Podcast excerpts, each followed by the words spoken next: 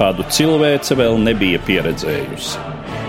Vadoņu avantūrisms un ambīcijas.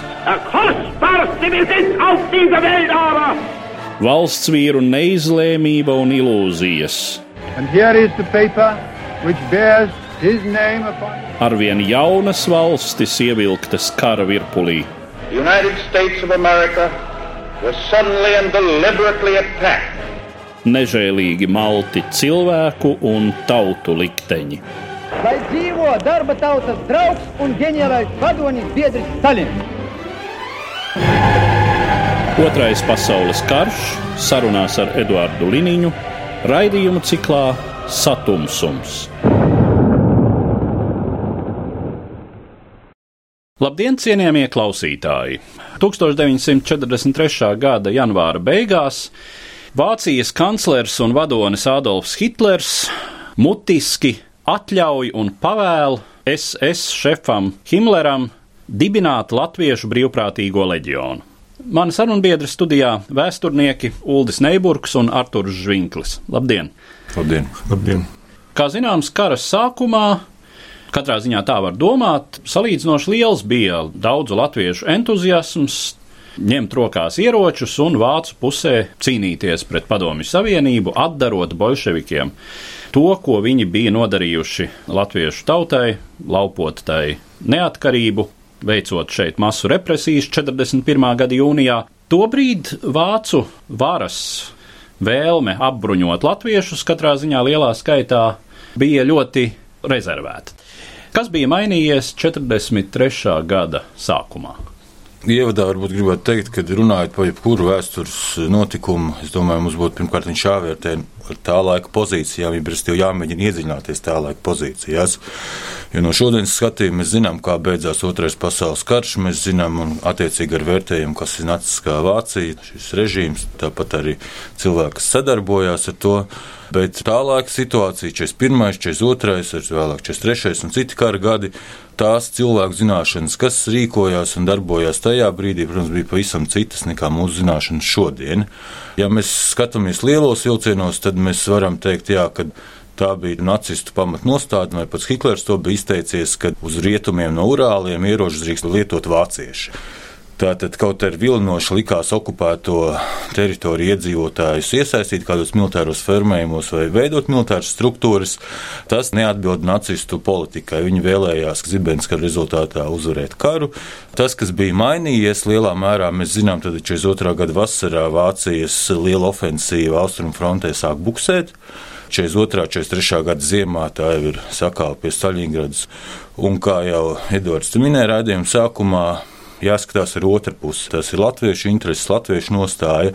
Un nebūtu nav tā, ka visiem latviešiem uzreiz bija skaidrs, ka Vācija karu zaudēs. Tiešām liela daļa uzskatīja vadošie latviešu virsnieki, tāpat ierēģi, pašpārvaldes darbinieki. Uzskatīja, ja grib runāt par kaut kādiem Latvijas neatkarības vai vismaz autonomijas plāniem, vai kaut kādām cerībām, vismaz slēptām, tad ir jāsadarbojas ar Vāciju.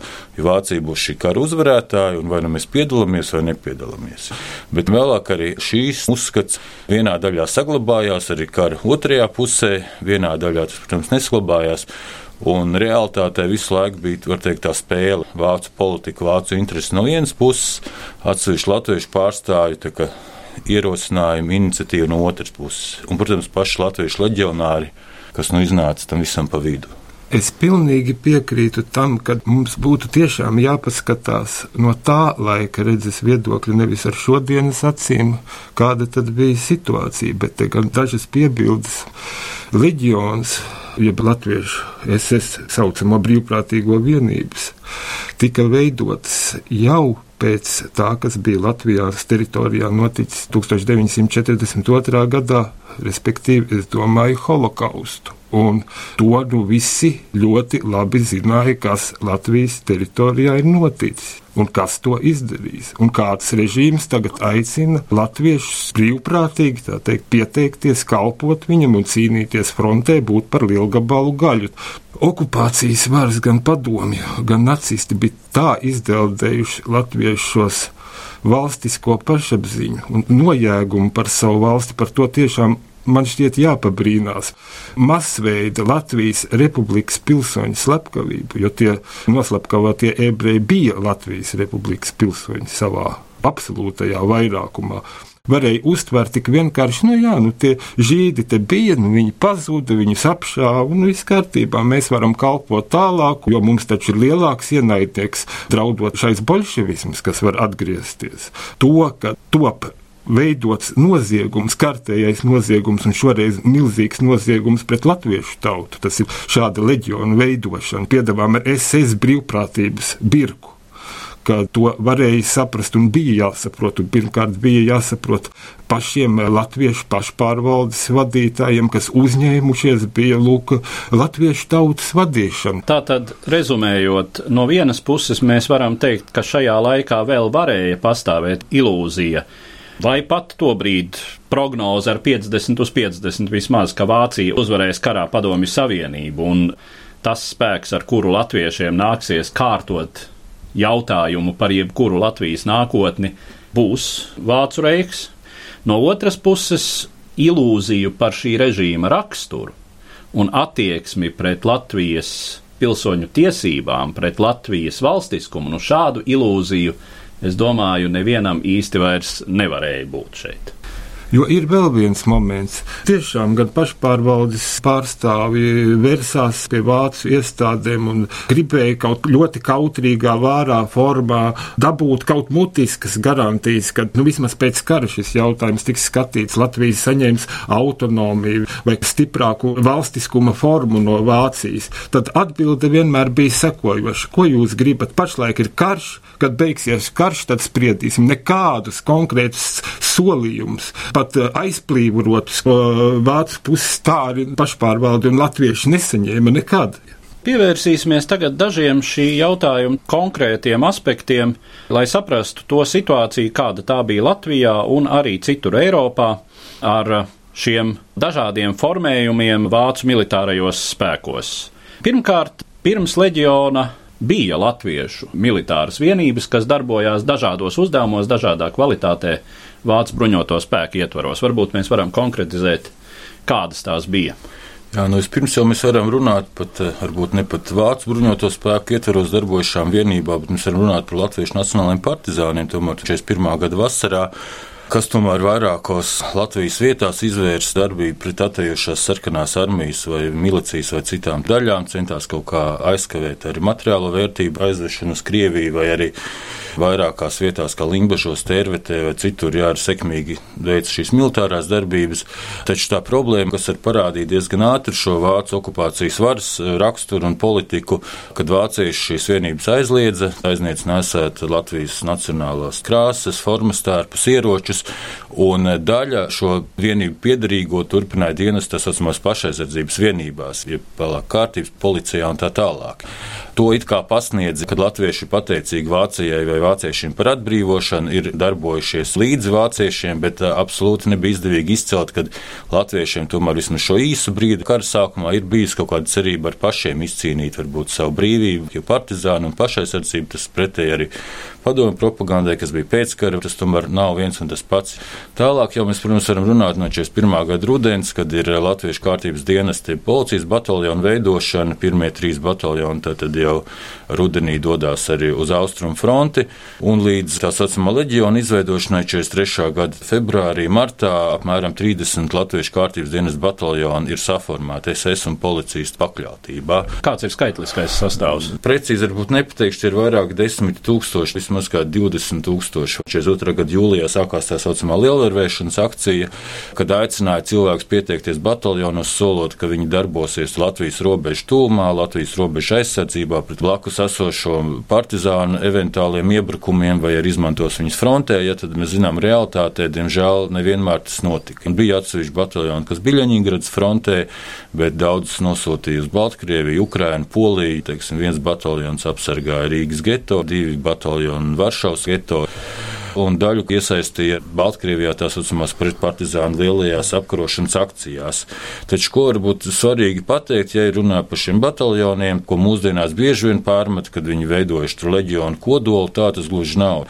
Jo kopā no 41 vai 42 latviešu kārtības dienas bataljoniem, ko kara laikā izveido, tikai 11 nonāk leģionā, ieroču vienībās, un tikai daļa no viņiem ir veikuši kaut kādus pirms tam ne militāra rakstura uzdevumus. Svarīgi uzsvērt to, ka latviešu nonākšana SS vai ieroču SS struktūrās nekādā veidā nebija tomēr atkarīga no latviešiem pašiem. Bet gan SS reiksvīrieris Henrijs Himmlers šo Hitlera vadlīniju, ka tikai vācieši drīkst nest ieročus, attiecināja uz Wehrmachtu, tad uz Vācijas karaspēku, bet ne uz viņa paša resoriskā pakļautībā SS un policijas esošām struktūrām. Un līdz ar to Himmleram tas deva iespēju pakāpeniski veidot tā saucamo savu karaspēku no pakļauto tautu iedzīvotājiem un apiet ar šo Hāgas starptautisko konvenciju, kas aizliedz iesaukt vai mobilizēt iekaroto zemju iedzīvotājus. Viņus formāli uzdeva, ka viņi it kā būtu brīvprātīgi, un tādā veidā šīs struktūras tika veidotas un funkcionēja. Te jau Arthurs ir minējis par to, nu, jums runājam, tā ir noziedzīga ar darbību, un tieši te var piekrist varbūt ar vēsturniekam Kārlim Kangerim, kurš šos jautājumus visvairāk ir pētījis, kurš ir rakstījis, ka, piemēram, ja latviešu mobilizācija pretiesiskā bija viens noziegums, ka tieši viņu šīs ieroču sesijas vienību veidošana no latviešiem varbūt bija vēl lielāks nacistu noziegums pret latviešu tautu.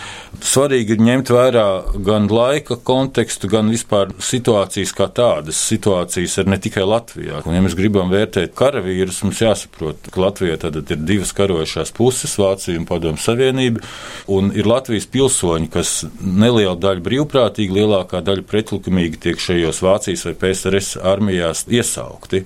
Un vērtējot viņu atrašanos tur, jābūt vienam tam izējas punktam vai jābūt mums konsekventiem. Mēs nevaram teikt, ka, piemēram, vieni bija sliktāki par otriem vai labāki par otriem. Tieši tā, tas būtu vispareizākais, ievērot līdzsvaru, un ļoti labi tas ir grāmatā kolektīvā darbā Latvija otrā pasaules kara laikā pateikts, ka padomju nacistiskais režīms bija vienlīdz lielas ļaunuma paradigmas Latvijai, Latvijas tautai, latviešu tautai, bet savukārt, eh, diemžēl tālāk. Es nedaudz par šo grāmatu atļaušos parunāt. Diemžēl tālāk eh, šīs konsekvences pietrūkst un ļoti kategoriski ir jānostājas pret to, kad parādās mēģinājumi tomēr par lielāko ļaunumu uzskatīt Padomju Savienību, Vācija, Hitleriskā tomēr mazākais ļaunums, tā kā tā vairs nav līdzsvarota pieeja. Protams, eh, latviešu karavīram, kas tika iesaukts tā saucamajā latviešu SS brīvprātīgo leģionā, šīs izvēles iespējas bija visai mazas, viņu nedrīkst nosaukt par nacistu, viņš tāds arī nebija.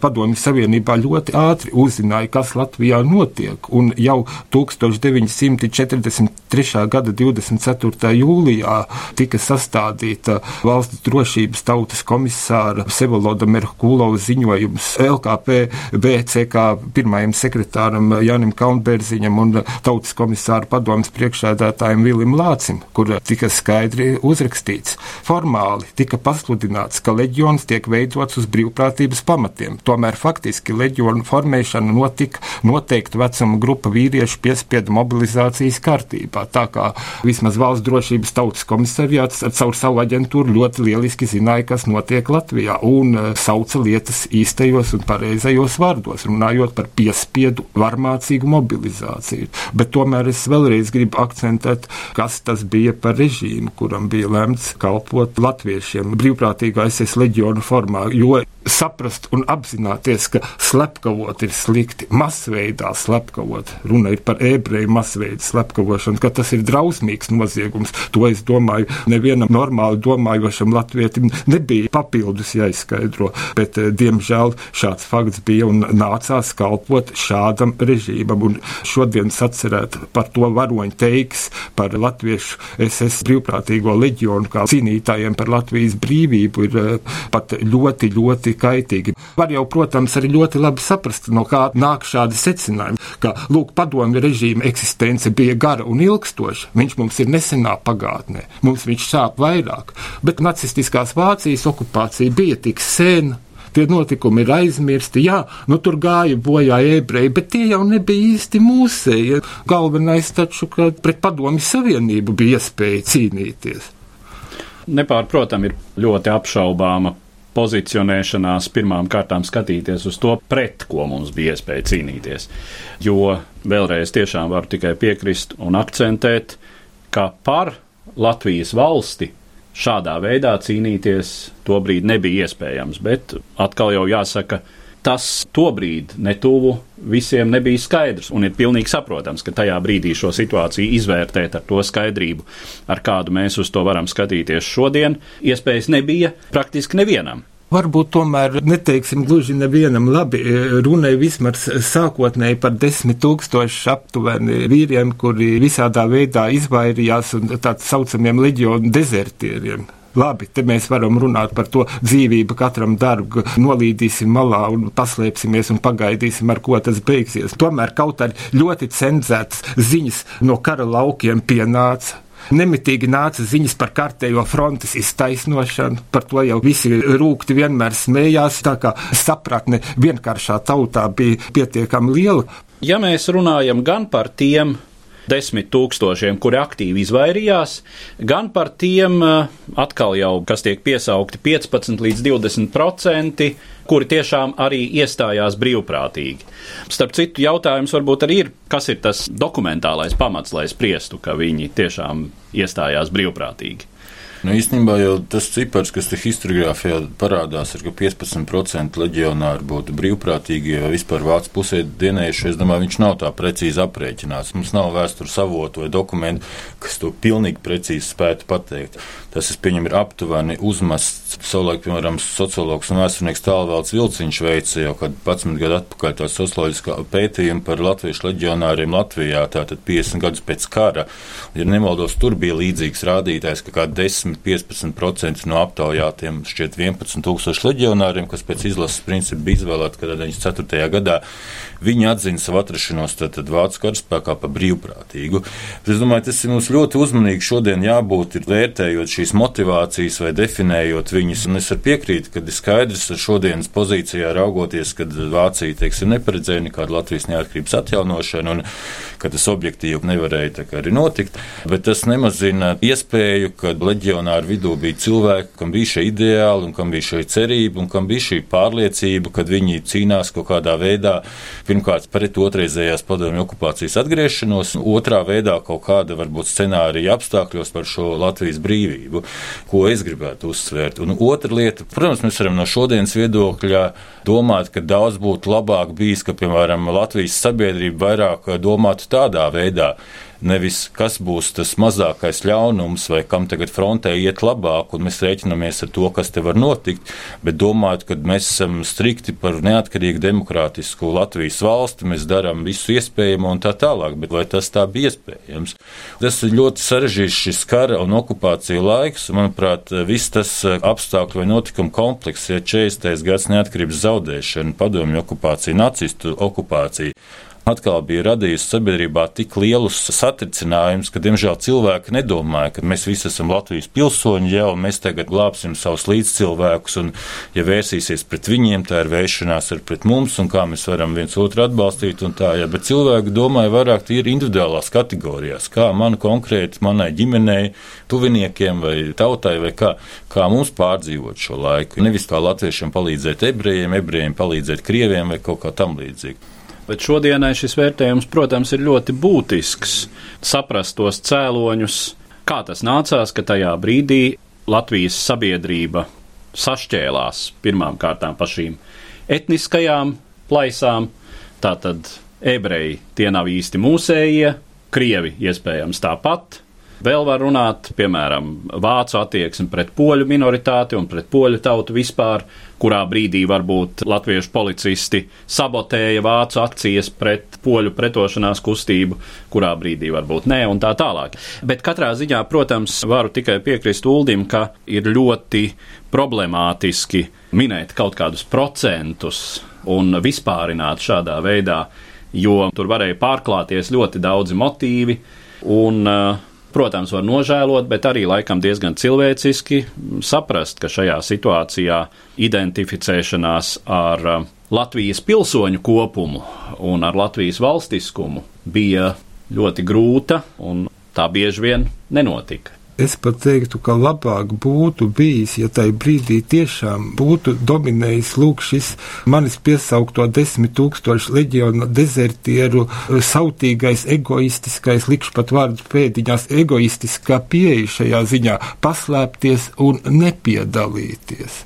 No latviešu tautas viedokļa, no, pat no demogrāfijas no, no tautas dzīvā spēka. Tas būtu viedokļa. bijis vis, vislabākais risinājums. Otru piemēru tomēr parādīja notikumi Lietuvā. Lietuvā šādas SS formācijas izveidotas netika. Te gan liela atbildība jāuzņemas tā laika latviešu zemes pašpārvaldē, ka viņa gāja tādā pavadā un piedalījās šāda nozieguma izvešanā, kamēr Lietuvā nekas tāds nenotika. Un eh, salīdzināsim kaut vai kas notika pēc kara, kāda bija Nacionālo partizānu kustība Lietuvā un kāda viņa bija Latvijā.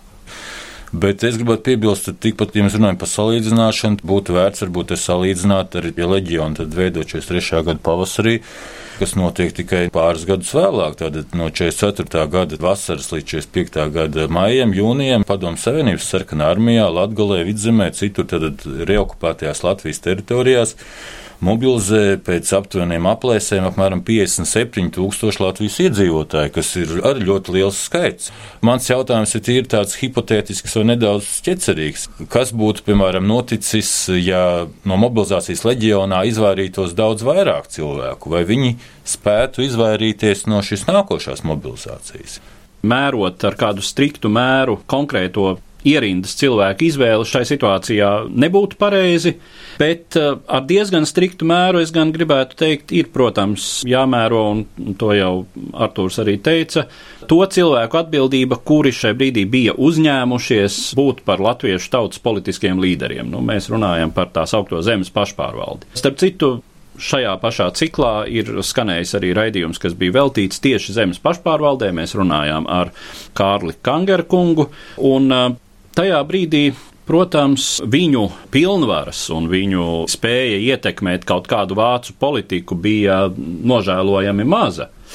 Un tomēr šajā leģiona veidošanas procesā un šajā spēlītē, kas sākotnēji izrietēja no nostādnes, mēs jums karaspēku, respektīvi lielgabalu gaļu, jūs mums par to kaut kādu autonomiju. Ka šajā spēlītē droši vien ir jāpiekrīt tam, kas ir teikts jau pieminētajā grāmatā Latvija otrajā pasaules karā, proti vērtējot pašpārvaldes rīcību, šai gadījumā gandrīz pilnīgs politiskās pašcieņas trūkums un pazemīga piekāpšanās vācu diktātam, liela politiska neapdomība un grūti izskaidrojama tuvredzība. Droši vien tomēr eh, mēs varētu mēģināt mazliet izskaidrot šo cilvēku pieeju, konkrētāk aplūkojot šo procesu. Kur tad palika šī autonomijas ideja vai kaut vai ilūzija par iespējamu autonomiju? tā ilūzija vai ideja, viņa principā nepazuda.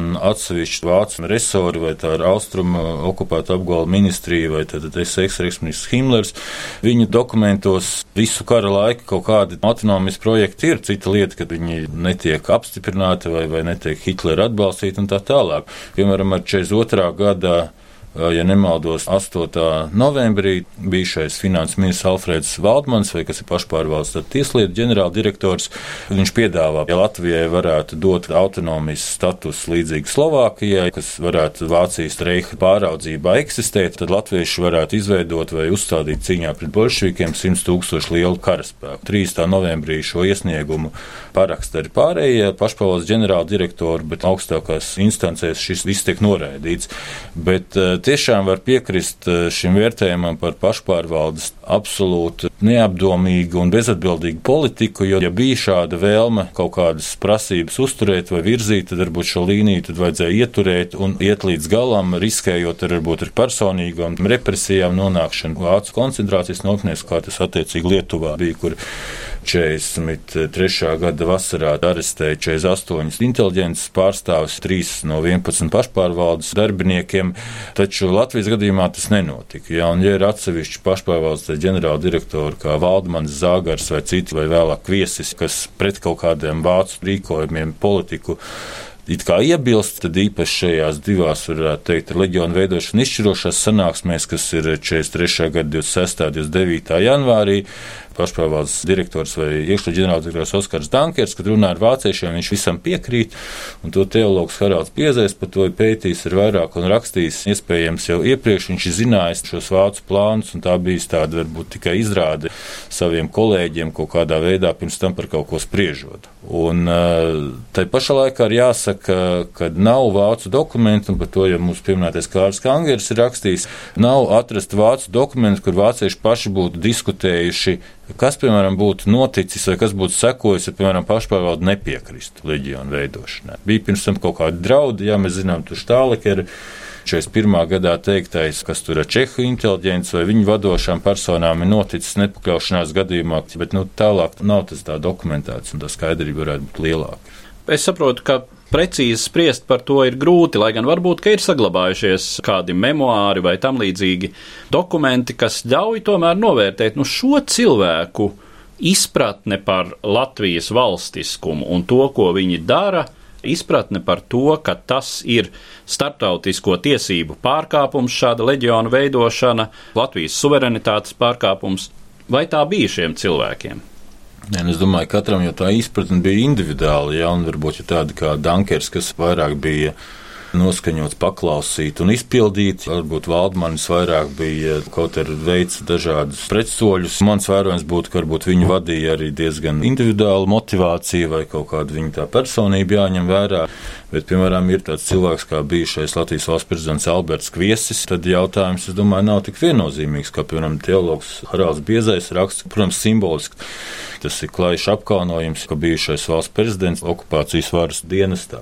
Tas, ko mēs zinām no paša Kvieša izteikumiem šajās pašvalsts ģenerāla direktora sēdēs, Kviesis pats būdams jurists, uzskatīja, ka sadarbība ar okupācijas varu, okupācijas apstākļos ir likumīga teiksim, no juridiskā viedokļa. Tā kā individu personību, darbības, motivācijas izpratne tiešām ir ļoti kompleksa.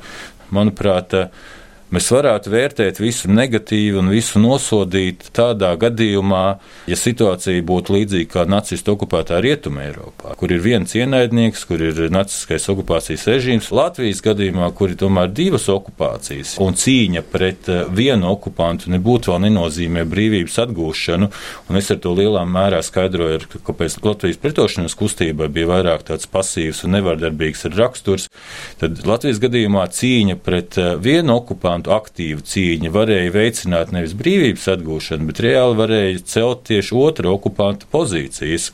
Un tāpat arī Igaunijas, arī Lietuvas gadījumā, protams, tas ir ļoti sarežģīts un traģisks pat jautājums, ko tad šādā situācijā darīt vai ko vajadzēja darīt. Un šodien mums ir viegli pateikt, ka vajadzēja tā, abi slikti.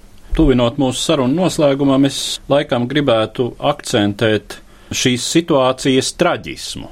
Traģiska situācija patiešām šī vārda pilnā nozīmē. Situācija, kurā pozitīva risinājuma nav. Un uh, cīņa, kura praktiski šajos apstākļos ir neuzvarama. Bet uh, tajā pašā laikā es gribētu teikt, ka daudziem šai situācijā nebija arī tā izvēle noiet malā, nogaidīt, izvēlēties šo savu individuālās glābšanās pozīciju, jo tas, ka bija bijusi sava valsts, ka šī valsts bija arī tik neviennozīmīgos apstākļos pazaudēta. Tas arī bija zināms psiholoģisks motīvs, kas neļāva savukārt neko nedarīt, kas mudināja, un varbūt es pat gribētu teikt, daudzos gadījumos lika ņemt rokā ieroci un cīnīties. Un tad, protams, šajā situācijā tā izvēle bija tāda, kāda tā bija ar tādu secinājumu tad es arī gribētu noslēgt mūsu šodienas sarunu. Es saku paldies maniem sarunbiedriem, vēsturniekiem Uldim Neiburgam un Arturam Žvinklim. Paldies! Raidījumā šīs dienas acīm cikls Satumsums - sarunas par Otro pasaules karu.